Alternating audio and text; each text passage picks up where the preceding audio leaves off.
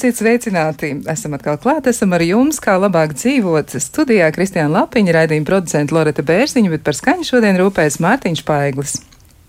28. jūlijas ir pasaules hepatīta diena, un arī Latvijā ar C hepatītu, un šajā gadījumā mēs runāsim vairāk par C hepatītu, bet, protams, arī mēģināsim pieskarties citām eh, aknu kaitēm, un eh, mēģināsim saprast arī, nu, cik ļoti tad nozīmīgs ir tieši C hepatīts, un kāpēc mums par to vajadzētu vairāk runāt, bet ir tā, ka Latvijā ir pietiekami daudz iedzīvotāju, kas eh, ir inficēti ar C hepatītu, un dati, kas ir jau mazliet novecojuši, saka to, ka pirms kādiem dažiem gadiem, un šķiet, ka šis pētījums ir veikts 2008. gadā, tātad jau kādu laiciņu iepriekš, tad ir reģistrēts pacientu skaits 40 tūkstoši iedzīvotāji, prognozēts skaits patiesībā par to, nu tādu doma, cik tad varētu būt tie iedzīvotāji, kuriem ir C hepatīts. Un daudzi par to pat nenojauš, bet kāda situācija tad ir šobrīd un šodien? Par to mēs runāsim ar Latvijas infektuoloģijas centra aknu slimību nodaļas vadītāju infektuoloģiju medicīnas doktori Ievu Tolmani. Sveicināti! Labrīt! Un vēl mēs arī esam aicinājuši studijā slimību profilaks un kontrolas centra epidemioloģiju Rainu Ņikiforu. Sveicināti! Labrīt. Nu, kā tad ir? Kā tad ir Latvijā šobrīd? Kas ir tie zināmie dati, ko jūs varētu teikt? Kā situācija ir mainījusies un vai mēs varam ticēt tam skaitlim, kas ir iepriekš, jo droši vien jau, ka e, šobrīd tas izskatās citādi? Jā, tiešām mēs varētu atgriezties nedaudz vēsturē. Pirms 20 gadiem Latvijai bija ļoti liels uzliesmojums. Runājot par hepatītiem, tas ne tikai C, bet arī B hepatīti bija milzīgs uzliesmojums, kad gada laikā mēs reģistrējam akūtos B un C hepatītus vairākus simtus gadījumu. Un, um, tas bija saistīts pārsvarā ar narkotiku lietošanu. Mēs zinām, ka B un C hepatīts ir asins transmisīvās infekcijas. Tas izplatās galvenokārt ar asinīm, ar inficētā cilvēka asinīm. Un šeit tas bija ļoti svarīgs faktors tieši intravenözu narkotiku lietošana. Tad kopš tā 2000. gada pakāpeniski saslimstība samazinājās, nu, ieviešot visādus profilaks pasākumus. Un, un, bet, um, Tas arī bija sagaidāms, ka pieaugs hronisko C hepatītu skaits arī saistībā ar šo uzliesmojumu. Jo hronisks C hepatīts, kā mēs zinām, viņš ātri tā sevi e, neparāda. Jā, cilvēks ir inficējies, bet vairākus gadus viņam tā infekcija ir organismā, bet nekāds simptomi neparādās ilgu laiku. Un tad viņš pēc kāda, pēc 10, 20 gadiem varbūt uzzina, ka viņam ir kronisks C hepatīts un jau pamatīgi bojāts ir aknas, un tad ir nepieciešama ārstēšana. Pēdējo gadu laikā mēs redzam, ka tiešām saslimstība jaunatklāto gadījumu, ja mēs runājam par jaunatklātiem gadījumiem, gadījumu skaits samazinās. Neliels pieaugums bija 2008. un 2009. gadā. Tas arī var būt saistīts ar kaut kādām ekonomiskām problēmām valstī un tā. Un arī, ja runājot par hronisko C hepatitu, pieaugums bija 1000, 2016. un 2017. gadā, kad tieši bija saistīts ar ārstēšanas metodēm, ar jaunām ārstēšanas metodēm, kam cilvēki interesēja šī lieta, un viņi vairāk vērsās pie ārstiem, un tad diagnoze tika noteikta. Un, eh, nu, lai saņemtu to ārstēšanu. Pēdējos gados mums tiešām gan akūts C hepatīts, B un C samazinās.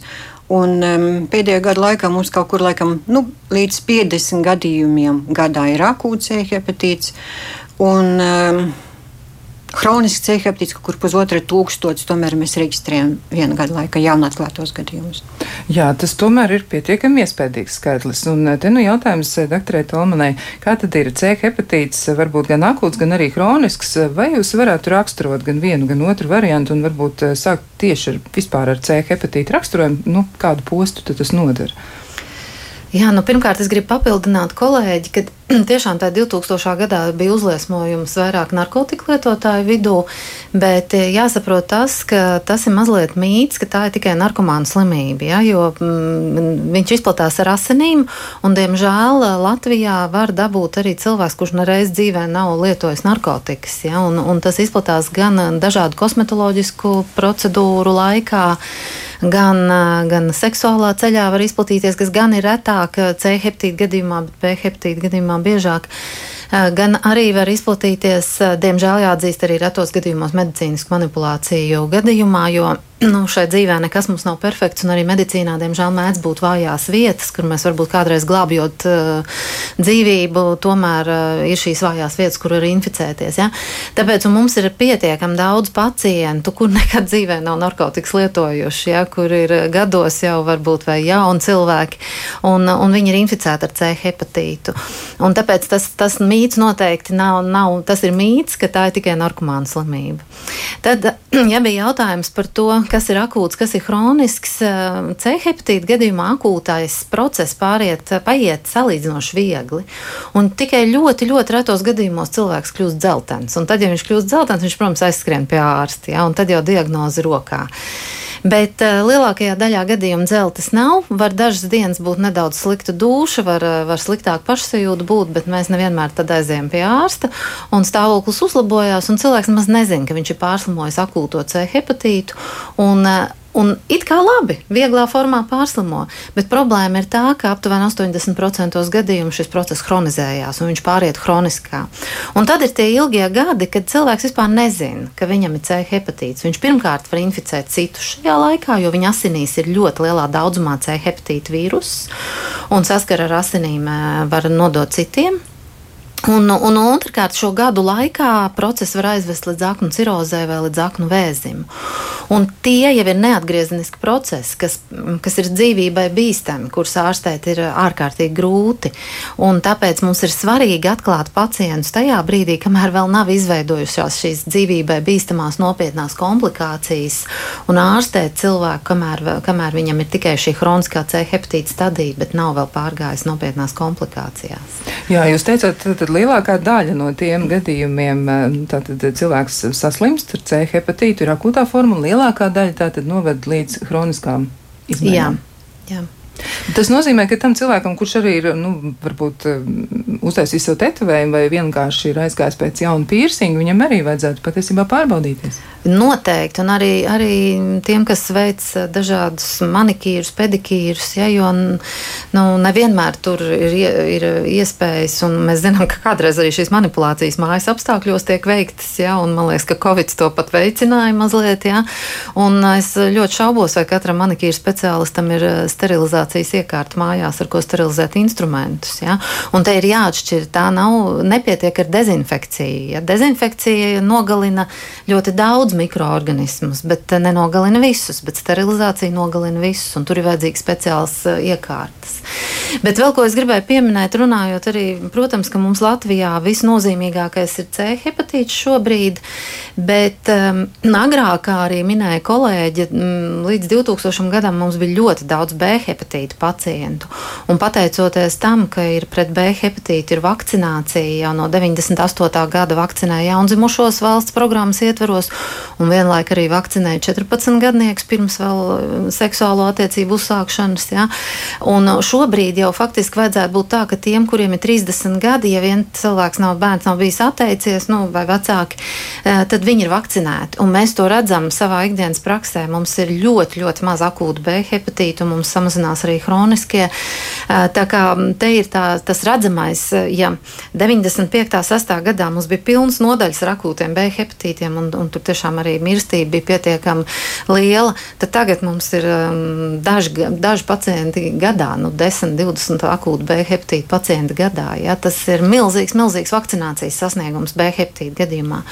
Kas attiecas uz C hepatītu, mums vakcīnas nav. Ja? Vīrus ir tik mainīgs, tik um, viltīgs, ja? ka tur nav izdevies izstrādāt vakcīnu līdz šim. Jā, viņi nepārtraukti pārveidojās. Es arī atradu datus par to, cik ļoti daudz ir tie genotipi un tā saucamie subtipi. Varbūt jūs arī varat nedaudz raksturot to, lai tiešām cilvēkiem ir skaidrs, kāpēc. Jo tas nav tāpēc, ka zinātne būtu noslinkojusi, ja, bet tieši tā iemesla dēļ, ka vīrus ir ļoti, ļoti specifisks, ļoti viltīgs. Vīrus ir ļoti interesants, pat jāsaka tā no tāda mm, zinātniskā viedokļa. Vienas diennakts laikā veidojās desmit triljoni jaunu vīrusu vīrusu daļiņu, virionu, un pusdzīves laiks ir 2,7 stundas. Tas nozīmē, ka 2,7 stundu laikā puse no šiem vīrusiem jau aiziet bojā. Un šajā ļoti straujajā mašinērijā, protams, ka tur veidojās eh, mazliet savādāk kopija, mazliet savādāk, un tad tās antivielas jau vairs neatpazīst. Un te ir tas paradoks, ka mums ir organismā gan antivielas, gan pats vīruss. Ja. Tā kā C hepatīts ir viltīgs, un, un zinātne ļoti ir strādājusi pie vakcīnas izstrādes, bet, diemžēl, tas nav vainagojies ar panākumiem. Bet mums ir šobrīd pieejama ļoti efektīva ārstēšana, un tā kopējā noslēdz ir tāda, ka mēs ātrāk varam izārstēt pacientus nekā sagaidīt vakcīnu C hepatīta gadījumā. Jā, nu, ir tā, ka klausītāji ir iesaistījušies, un, protams, arī viņiem ir jautājumi gan par diagnostiku, gan arī par citām lietām, bet pirms mēs pievēršamies diagnostikai, man vēl arī jautājums ir par izplatību. Kā šobrīd izskatās tās grupas, nu, kuras ir vairāk pakļautas? Ko jūs teikt par riska grupām, ja tie iepriekš bija, piemēram, narkotiku lietotāji, kas lieto intravenozās narkotikas, tad kas notiek tagad? Nu, te jāskatās mm, saslimstība, tad, tad gadījumu biežums pa vecuma un dzimuma grupām. Ja mēs salīdzinām vīriešu un sieviešu, un skat, vīrie, vīriešu un sievietes un skatāmies akūtu B un C hepatitā, mēs redzam, ka vairāk biežāk slimo vīrieši. Un tās vecuma grupas ir no 20 līdz 39 gadiem. Tur ir biežāk, jā, šajās vecumā. Nu, tas droši vien saistīts arī ar dzīves, dzīves um, veidu un varbūt riska faktoriem, kas tieši šajā vecumā vairāk. Bet jāsaka arī, ka e, senioriem akūts B hepatīts un akūts C hepatīts, bet vairāk akūts B hepatīts, kur arī nav vakcinēti. E, arī ir tādi, ja mēs runājam par transmisijas ceļiem, ir nozīmīgs tāds izplatīšanas ceļš kā saistībā ar ārstniecības pakalpojumu sniegšanu. Mēs redzam arī, ka mums um, tiek reģistrēti atsevišķi uzliesmojumi saistībā ar kaut kādu vienu iestādi. Tas ir tiešām pierādījums tam, ka šī infekcija saistīta, šīs uzliesmojums saistīts ar konkrēto iestādi, ar kaut kādām ārstniecības manipulācijām. Bet kā jūs saskatāt arī to situāciju? Doktor Tomēr arī minēja, ka nu, tiešām tā varētu būt jā, tādas puslegālas nu, tādas, tādas iespējas cilvēkiem ir gan kaut ko uztetovēt, gan kaut ko darīt ar saviem nagiem vai rokām vai, vai ķermeni.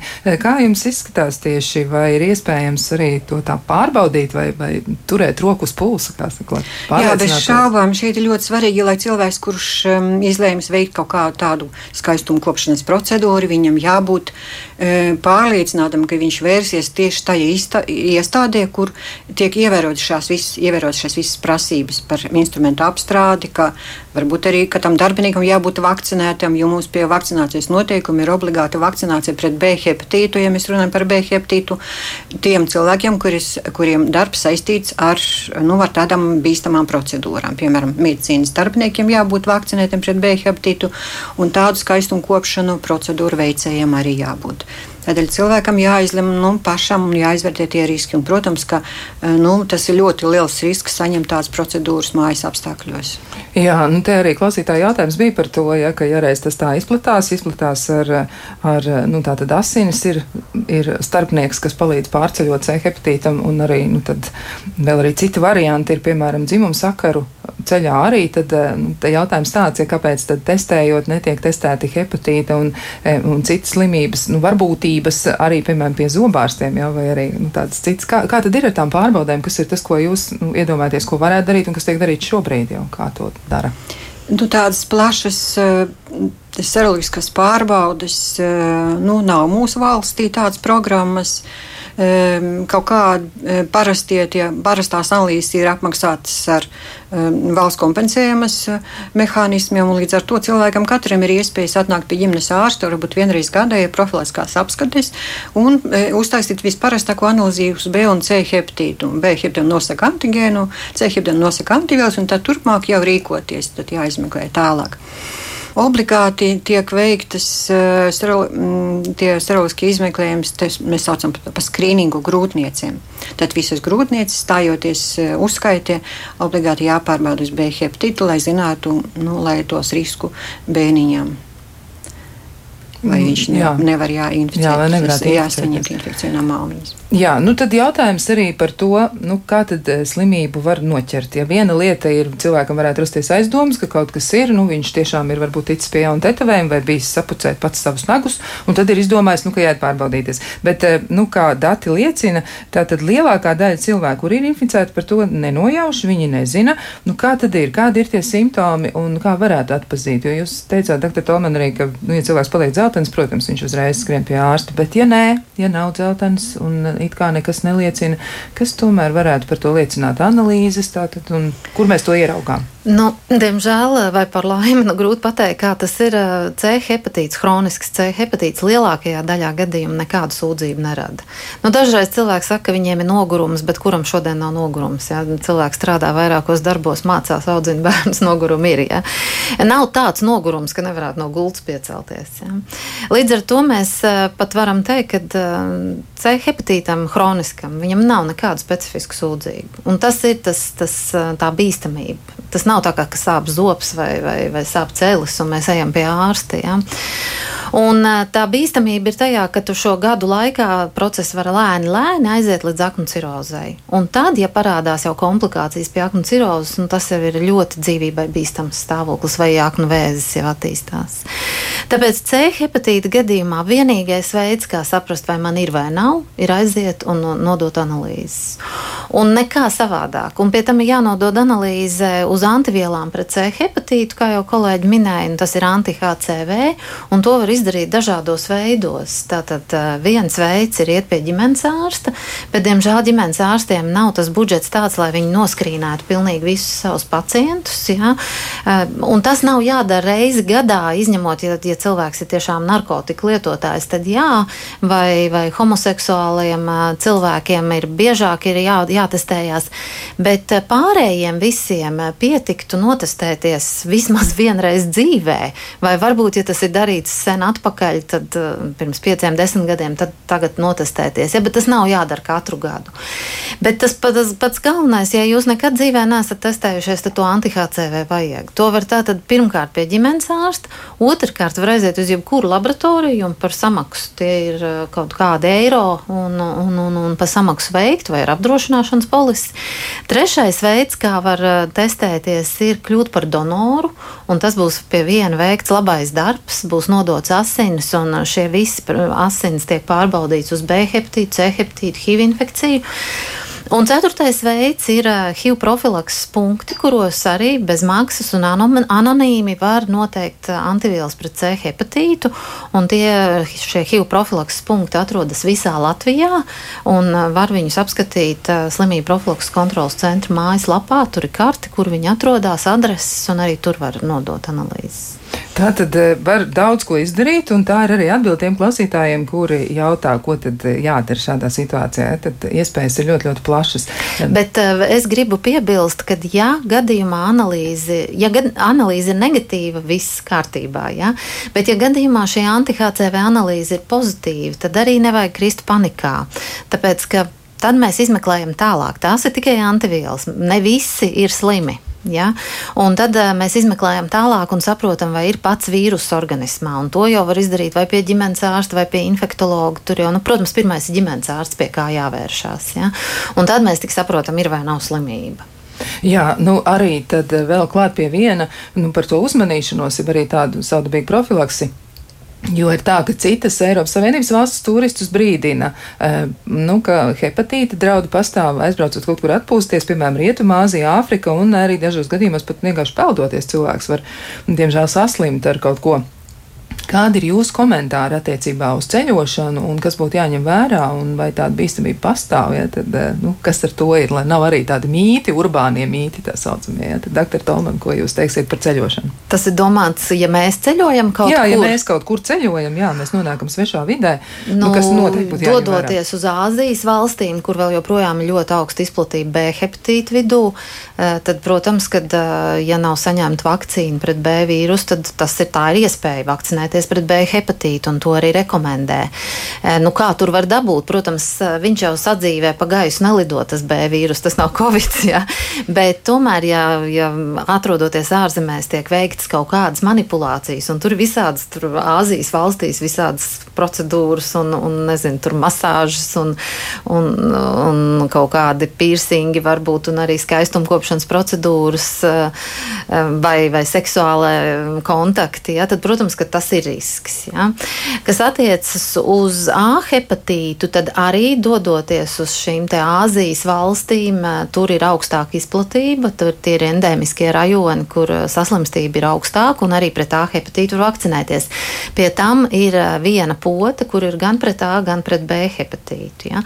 Latvijā šobrīd A hepatīta praktiski nav, tie tikai daži atvestie gadījumi no ārzemēm.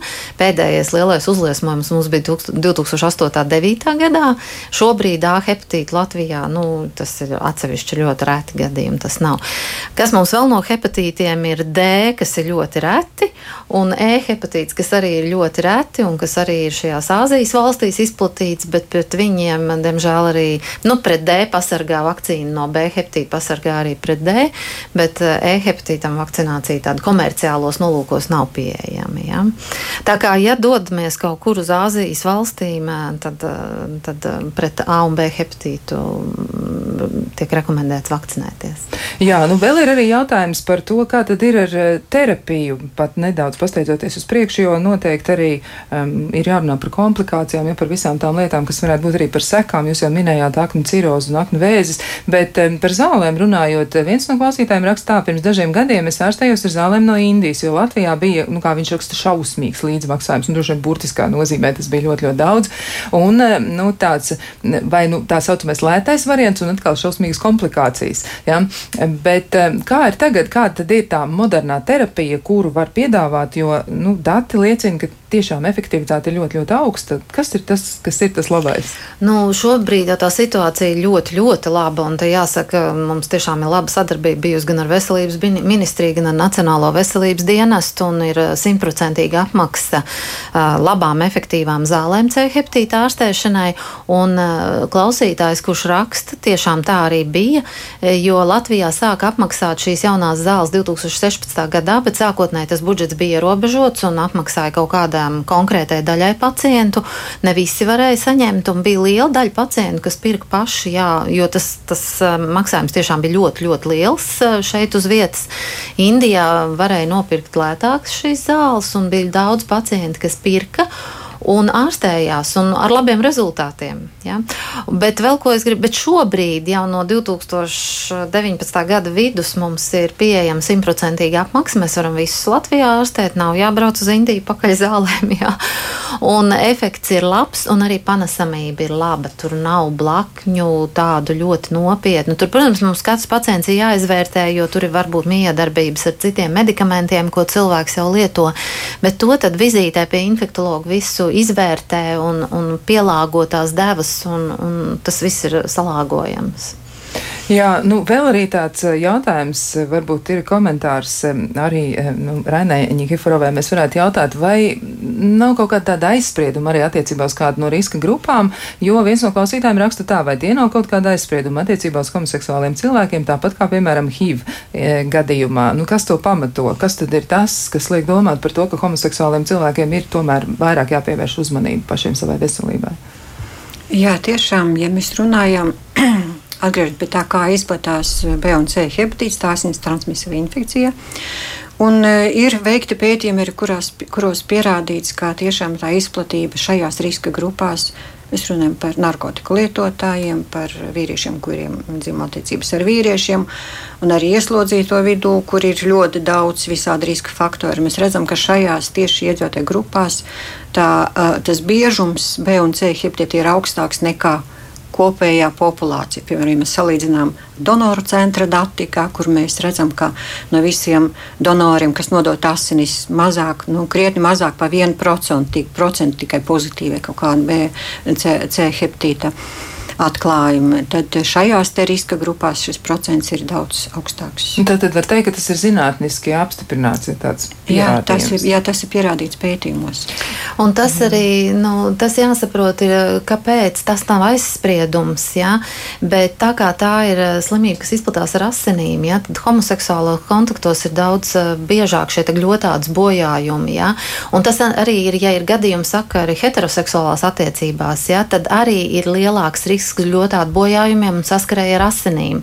Un tāpēc arī risks nodot šo C hepatītu. Bet monogāmās attiecībās risks ir ļoti zems. Ja? Un, un ja ne, nav partneru maiņa, tad šis risks inficēties ir ārkārtīgi zems. To arī cilvēkiem jāsaprot. Ja? Tie nav aizspriedumi, tā ir realitāte. Ja? Tātad mainot partnerus ir, ir jālieto aizsarga līdzekļi, un vislabākais ir prezervatīvs pret eh, ļoti daudzām slimībām, ja tā skaitā arī nevēlams grūtniecības. Eh, savukārt, ja ir monogāmas attiecības, tad risks ļoti, ļoti zems. Un, un arī mums ir bijušas agrākos laikos, kad bija sliktāka tā ārstēšana un nebija iespējams visus izārstēt. Eh, tad mums bija pāri, kas gadiem dzīvo kopā, un viens ir C pozitīvs, otrs C negatīvs, un viņš neinficējās. Ja? Tāpēc, ka monogāmās attiecībās tas risks ir daudz, daudz zemāks, zem, zem 1% gadā. Ja? Jā, tad drīzāk tas varētu būt par to, ka ir tie gadījumi dzimuma sakari, ka ir partneru maiņa. maiņa jā. jā, un tas varētu būt drīzāk mm. tas mhm. izskaidrojums tādos aktīvos, aktīvos sakaros, jeb aktīvās attiecībās, nu tad iespējams tas risks ir lielāks. Vēl arī jautājums ir par, un šajā gadījumā tas ir par B hepatītu, jā, vai dzīves laikā ir jāveic revakcinācija pret B hepatītu, un vai ar B hepatītu var saslimt vakcinēts cilvēks. Un savukārt, vai vakcinētam cilvēkam ir liederīgi pārbaudīties uz B hepatītu, nu tad ieviesiet skaidrību. Kaut arī tas ir par B hepatītu, bet tomēr. Nu, jā, šodien ir pasaules hepatīta diena. Mēs Jā, runājam par visiem hepatītiem. Tātad um, simtprocentīga aizsardzība nav nevienai vakcīnai. Un par to šobrīd runā arī Covid sakarā. Nu, vakcīna neaizsargā simtprocentīgi. Iespējams, saslimt ir, bet tas risks ir ievērojami zemāks. Daudz, daudz, daudz zemāks. Ja, tā efektivitāte vakcīnām ir virs 90-95%. B hepatīta gadījumā vispār vakcīnai ir ļoti augsta efektivitāte. Ja, tā kā tie ir ļoti atsevišķi reti gadījumi, kuriem neveidojās antivielas pēc, pēc vakcīnas. Ja. Tā, Tas ir viens. Otrs, būtībā, ja cilvēks ir vakcinēts un ja viņam nav kaut kādu izpausmi, jau aknu bojājumu izpausmi, viņam nav jāpārbaudās uz B hepatītu. Ja? Viņš ir vakcinēts un viss, un viss ir kārtībā. Ja? Un līdz ar to viņš arī nevar inficēt citus. Bet vēl kāds jautājums tur bija? Jā, tas bija, tas bija tieši par to, vai ir, nu, vai, vai var saslimt, ja tas bija vēl klāt, un vai vakcinētam cilvēkam ir liederīgi pārbaudīties, bet jūs jau atbildējāt jā. būtībā, ja? Mm -hmm. ja, par to, kā tad eh, tā būtu, būtu jārīkojas pareizi. Jā, nu, izskatās, ka mums vēl ir arī citi jautājumi, to ir arī pietiekami daudz, un mēģināsim uz tiem visiem atbildēt, bet to mēs darīsim pēc īsa brīža. Laiks jūsu jautājumiem! 67, 222, 888. Mūsu e-pasts, klausītājs at Latvijas radio.lv. Jā, turpinām sarunu par hepatītu, par C hepatītu un arī par A un B hepatītu, jo šodien ir 28. jūlijas pasaules hepatīta diena, bet tas nenozīmē, ka tikai šodien būtu par to jārunā, par to būtu jārunā iespējami bieži, jāatgādina pašiem sev, ka jārūpējas par veselību un arī ir svarīgi, ko tad mēs varam darīt kādā no situācijām, ar kuru esam saskārušies, un arī mēs varam, nu, droši vien paplašināt savas zināšanas vienmēr par to, kā tad rīkoties kādā, kādā grūtā brīdī dzīvē. Bet, lai būtu lielāka skaidrība arī par to, kā klājas pašiem pacientiem un par to, ko tad domā viņi, mēs varam uzzināt no C hepatīta pacienta apvienības pārstāva Kristapa Kauguru, kur arī esam iesaistījuši šīs dienas sarunās. Sveicināti! Sveicināti! Labdien, klausītāji, un labdien, studijas viesi! Jā, gribētu jautāt, tad, kas ir tās aktualitātes, varbūt, ko ir pamanījuši paši pacienti arī un pacientu apvienība, ko tad saka par to, kas ir tas svarīgais. Varbūt jūs arī varat iezīmēt tādas būtiskākās lietas. Jā, pacientu apvienība jau daudzus gadus cenšas ļoti sistēmiski runāt gan ar nu, veselības nozarē iesaistītajiem, gan ministriju, gan, gan visiem dienestiem, gan pašiem ārstiem, arī ģimenes ārstiem par to, nu, kā šo infekcijas slimību censties apkarot. Un pēdējos gados tāda ļoti aktuāla tēma ir bijusi, vai nu, precīzāk sakot, tāds liels, liels virsmērķis mūsu sarunai vai vispār nu, tām aktivitātēm ir bijusi iespēja, kur ir parādījusies līdz ar uh, nu, šīm jaunajām um, terapijām, kuras jau ārsti iepriekš pieminēja, um, ka, ja mēs kārtīgi šo uh, problēmu risinātu, mēs uh, cītīgi atrastu jaunus pacientus, tos uh, ārstētu, kas šobrīd ir pieejams pilnīgi bez maksas un, un ļoti ērtām un, un ļoti patīk, nu, teiksim, um, terapijām, kas nerada nekādas milzīgas uh, sekas pacientam, tad uh, šī slimība ir iespējams nu, gandrīz vai pilnībā izskaust ļoti tādā nu, aptveramā termiņā. Pasaules veselības organizācija runā par to, ka to varētu izdarīt līdz pat 2030. 30. gadam. Un šis ir tas mērķu kopums, ap kuru mēs cenšamies runāt un veicināt daž, dažādas aktivitātes. Un, manuprāt, ārsti jau šodien arī šīs dienas sarunā brīnišķīgi iezīmēja, ka uh, pacienti, pacienta ārstēšana ir iespējama ļoti uh, ātri un, un, un pacientam uh, nu, teiksim, tādā pieņemamā veidā. Nav nepieciešams vairs zāles pirkt Indijā vai meklēt kaut kādus milzus finanšu līdzekļus, lai tiktu galā ar savu veselību. Bet tas, ko pacientu organizācija droši vien vairāk gribētu uzsvērt šajā mirklī, ir tas nelielā nianse, kuru jau pieminēju šodienas sarunas pašā, pašā sākumā.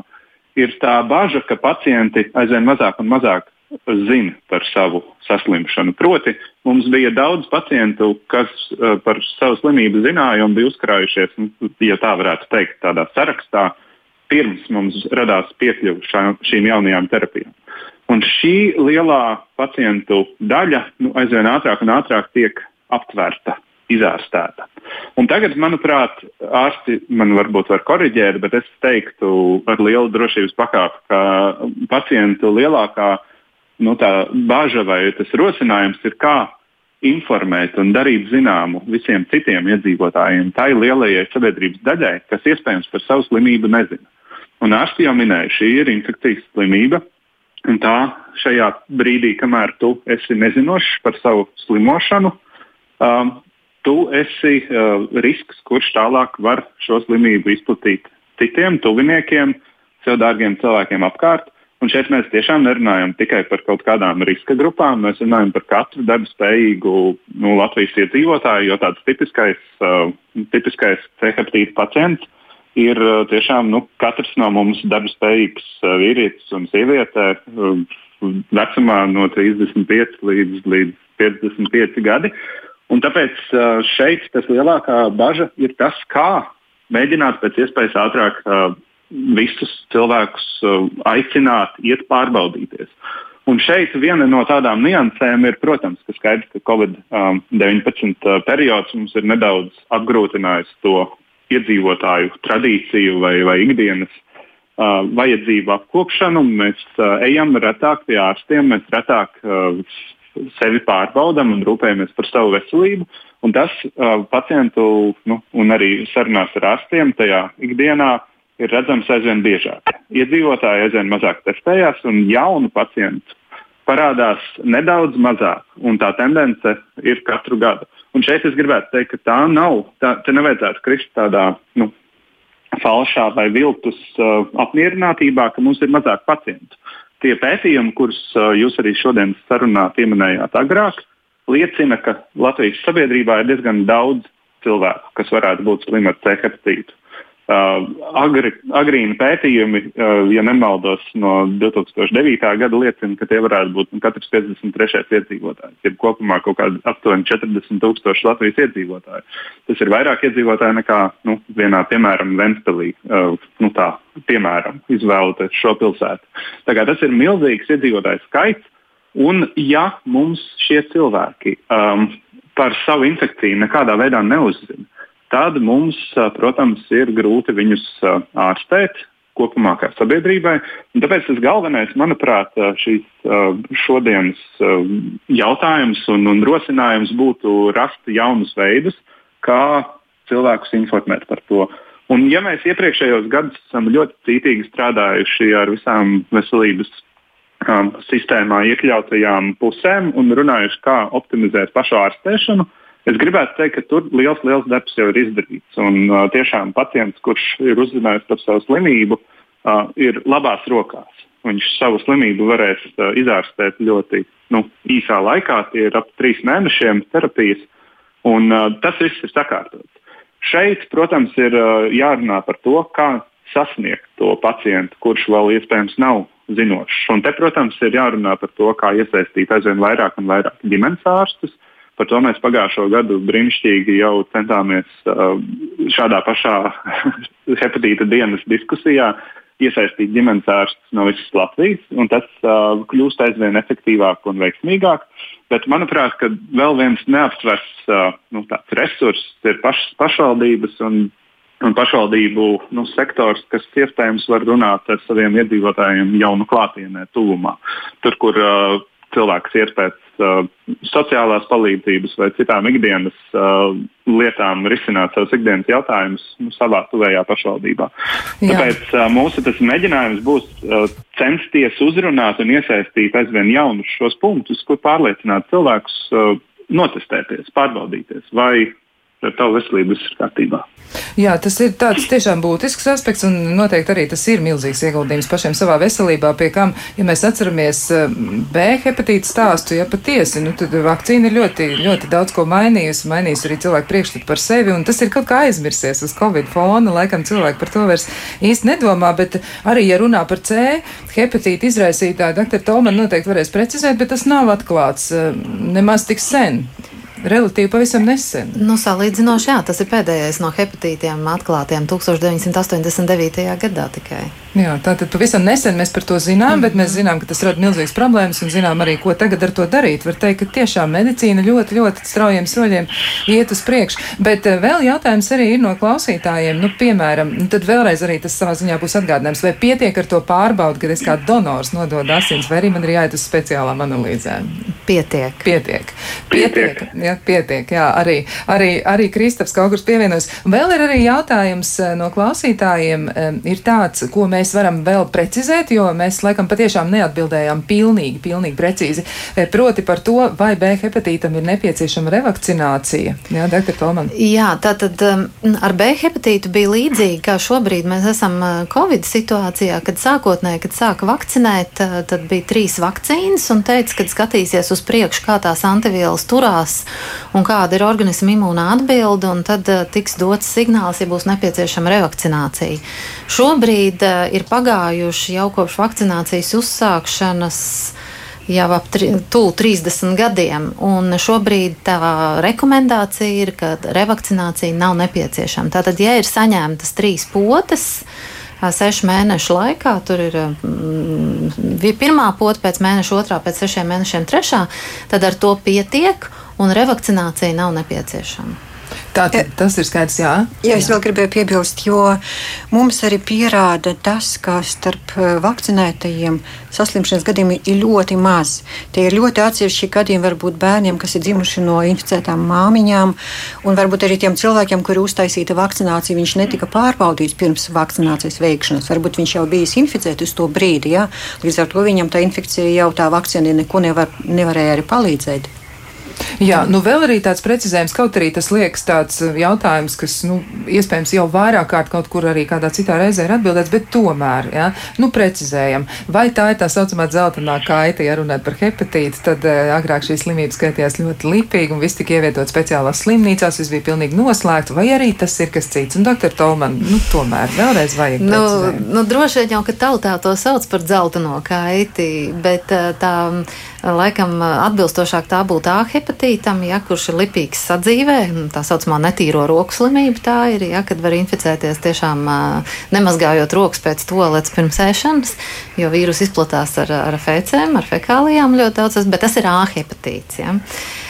B hepatīts ir ļoti mm, izpausmju ziņā līdzīgs, bet ir citi inficēšanās ceļi, tas ir tātad ar asinīm, un, un tāpēc nu, to mēs īsti par netīro roku slimību noteikti nevaram saukt. Ja?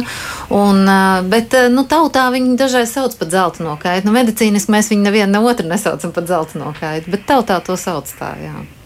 Jā, nu vēl arī jautājums ir par bērnu, ja bērnībā ir izslimots B hepatīts, vai ir iespēja saslimt atkārtot?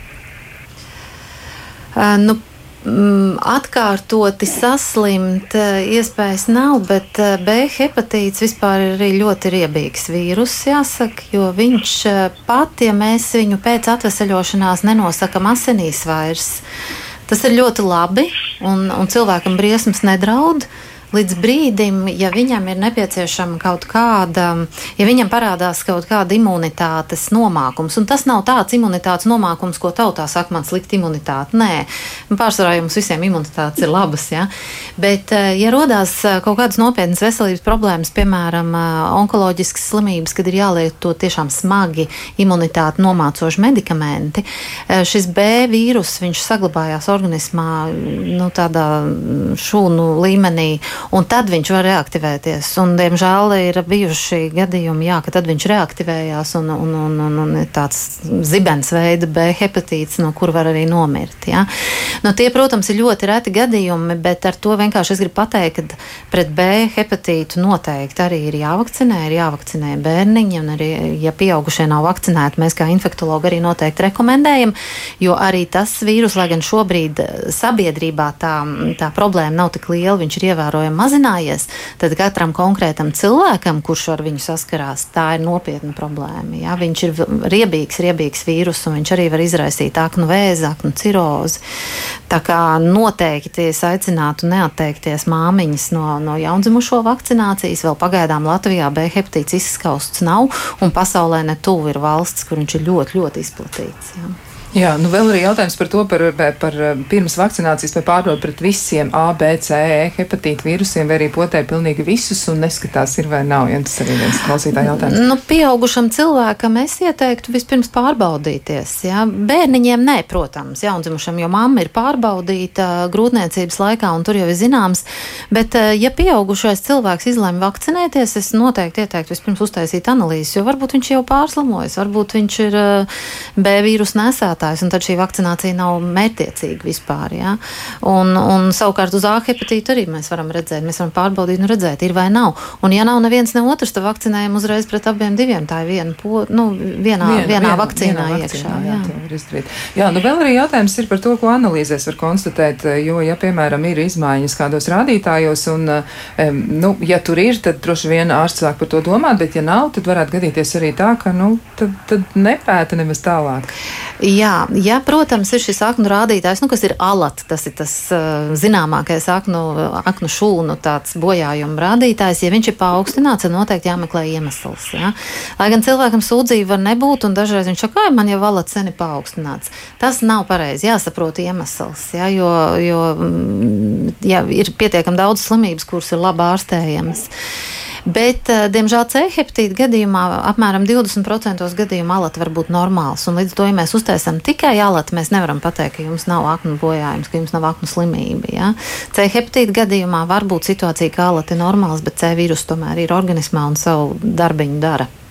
Jā, nu izklausās nelāk, bet tā nu tas ir. Man vēl gribas arī pajautāt eh, kaut ko Kristupam Kauguram un proti to, nu kā jūs saskatāt, eh, kas varētu būt tas nu, vis, visiedarbīgākais veids, kā mēs varētu šobrīd cilvēkus eh, mudināt pārbaudīties, jo jūs teicāt, nu ir vairākas versijas, kā jūs piedāvātu to darīt, bet kas ir tas, ko jūs ieteikt darīt tieši šobrīd un kas varētu būt tas pamata motivētājs, nu tāds tiešām aicinājums, kas varētu, varētu nostrādāt? Paldies par šo jautājumu, jo es tieši to gribēju piebilst tikko dr. Stalmans teiktajam. Man ir jāsaka, ka šobrīd, protams, paslavējot ārstus, kas ir radījuši brīnišķīgu nu, palīgu metodoloģisko materiālu ģimenes ārstiem, lai, lai ģimenes ārstiem būtu vieglāk šo slimību atklāt un, un, un strādāt ar saviem pacientiem, joprojām tas uh, galvenais uh, darba darītājs ir nu, šeit pats līdzekļs, ja pats iedzīvotājs. Un tas, ko mēs gribam aicināt, ir uh, nu, tomēr katram mēģināt pašam sevi, uh, nu, pa, nu, pašam sevi uh, apdrošināt un pajautāt vismaz reizi mūžā, bet varbūt arī biežāk, uh, palūgt savu ģimenes ārstu veikt tieši C hepatīta analīzes Un šeit uh, tiešām ģimenes ārstiem ir arī bieži vien nezināšana, tāpēc ka ģimenes ārsti arī, nu, tika jau teikts, vīruss ir atklāts salīdzinoši nesen, uh, no 80. gadiem līdz 90. kad tas aktīvāk tika pētīts. Un daudz ģimenes ārsti ir nu, studējuši, ir mācījušies pirms šī perioda. Un savā ikdienas uh, daudzo jautājumu un rūpju sarakstā C hepatītu neredz kā pirmo prioritāti. Tāpēc joprojām, manuprāt, jāaicina ir katrs iedzīvotājs parūpēties par sevi un vismaz reizi savā dzīvē, bet savukārt, ja tu esi tetovējies, veicis kādus skaistumkopšanas pakalpojumus, īpaši, ja to darīs mājsaimniecībās vai kaut kur ārpus saloniem, laika pa laikam tomēr palūgt savu ģimenes ārstu veikt šo testu, Protams, ir arī dažādi citi veidi, kur jau šodien tika pieminēti, kā asins nodošana vai, vai testēšanās, testēšanas centros, HIV testēšanas centros. Bet tomēr parūpēties katram par sevi un šo testu veikt. Jo izārstēties ir iespējams, un to ir iespējams izdarīt ātri un bez liekām sekām. Jā, paldies par šo aicinājumu. Tāds tiešām tāds, tāda ļoti motivējoša, motivējoša runa, var teikt. Tas varētu palīdzēt arī daudziem klausītājiem saņemties un aiziet pie savu ģimenes ārsta. Bet, nu, tad vēlreiz atgādinājums arī mums pašiem un arī visiem tiem, kas klausās šodien. Tā tad ir tā efektīvā terapija. 80% gadījumā akūts hepatīts var pāriet kroniskā, jā, un tāds arī notiek, bet to var sekmīgi ārstēt. Tātad rezultāti ir ļoti, ļoti labi. Un vēlreiz atgādinājums arī doktor Tolman nav jāmaksā cilvēkiem par šo terapiju. Nē, par ārstēšanu nav jāmaksā, tā ir 100% valsts apmaksāta. Un katrs cilvēks, kurš ir izārstēts, viņam vairs nav, viņam ievērojami samazinās aknu cirozes risks, aknu vēža risks, kopējais mirstības risks. Un katrs izārstētais vairs nav infekcijas avots. Viņš nevar inficēt citu. Tas ir ieguvums arī visai sabiedrībai. Jā, un vēl arī par to, nu, par to nelāgo iznākumu. Jā, ko tad nozīmē aknu ciroze un aknu vēzis? Ko tas nozīmē cilvēku organismam? Varbūt arī tā nu, ļoti, ļoti šoreiz neiedziļinoties, jo par to mēs runāsim arī vēl kādā jā, reizē. Par to var runāt bet... atsevišķā reizē, bet uh, aknu ciroze tas ir, kad aknu šūnu vietā aug aiztaudi un faktiski aknas vairs nespēja veikt savu darbu, jo aknas mums ir lielākais organismu laboratorija, kas ražo un attindē, attīra organismu. Un, un no aknu cirozes, diemžēl, cilvēki mirst. Jā, mirst no asiņošanām, no šķidruma krāšanās, no infekcijām. Savukārt aknu vēzis, ja viņš tiek atklāts ļoti agrīni, kamēr viņš ir maziņš, viens mazs bumbulīts, viņu var teorētiski izoperēt. Bet, diemžēl, viņš arī nedod sūdzības sākumā. Un, ja viņš tiek atklāts, kad jau ir daudz perēkļu, tad tur neko vairs izdarīt praktiski nevar. Tas ir nu, tas laiks ir jau tad ierobežots. Nu, ir jau kaut kādas ārstēšanas metodas, bet nav tādas labas arī ķīmija terapijas, kur mēs iedodam un, un, un pazūd vēzis. Jā. Vienīgais, laikam, aknu transplantācija ir iespējama. Bet aknu transplantācija ir iespējama tikai, ja ir mazs vēzītis, ja pie lielas izplatības nekāda aknu transplantācija, diemžēl, arī nav iespējama. Pie aknu cirozes, jā, tā ir ārstēšanas metode, bet, kā jūs zinat, Latvijā ar aknu transplantāciju mums nemaz tik gludi neiet, un tā nav ikdienas procedūra, kur mēs varam katram veikt. Jā, ir tādi gadījumi bijuši, ka cilvēkiem tas ir bijis nepieciešams. Tas tiešām ir diezgan sarežģīti. Tā, tā, tas ir milzīgs izaicinājums arī pašiem mediķiem un neapšaubām pašam pacientam. Nu, jā, izskatās, ka mums pašiem ir iespēja par to parūpēties, kas tad notiek ar mūsu veselību, un mēs varam to izdarīt. Varbūt vēlreiz atgādiniet pašās beigās, tad kā tieši sauc testu?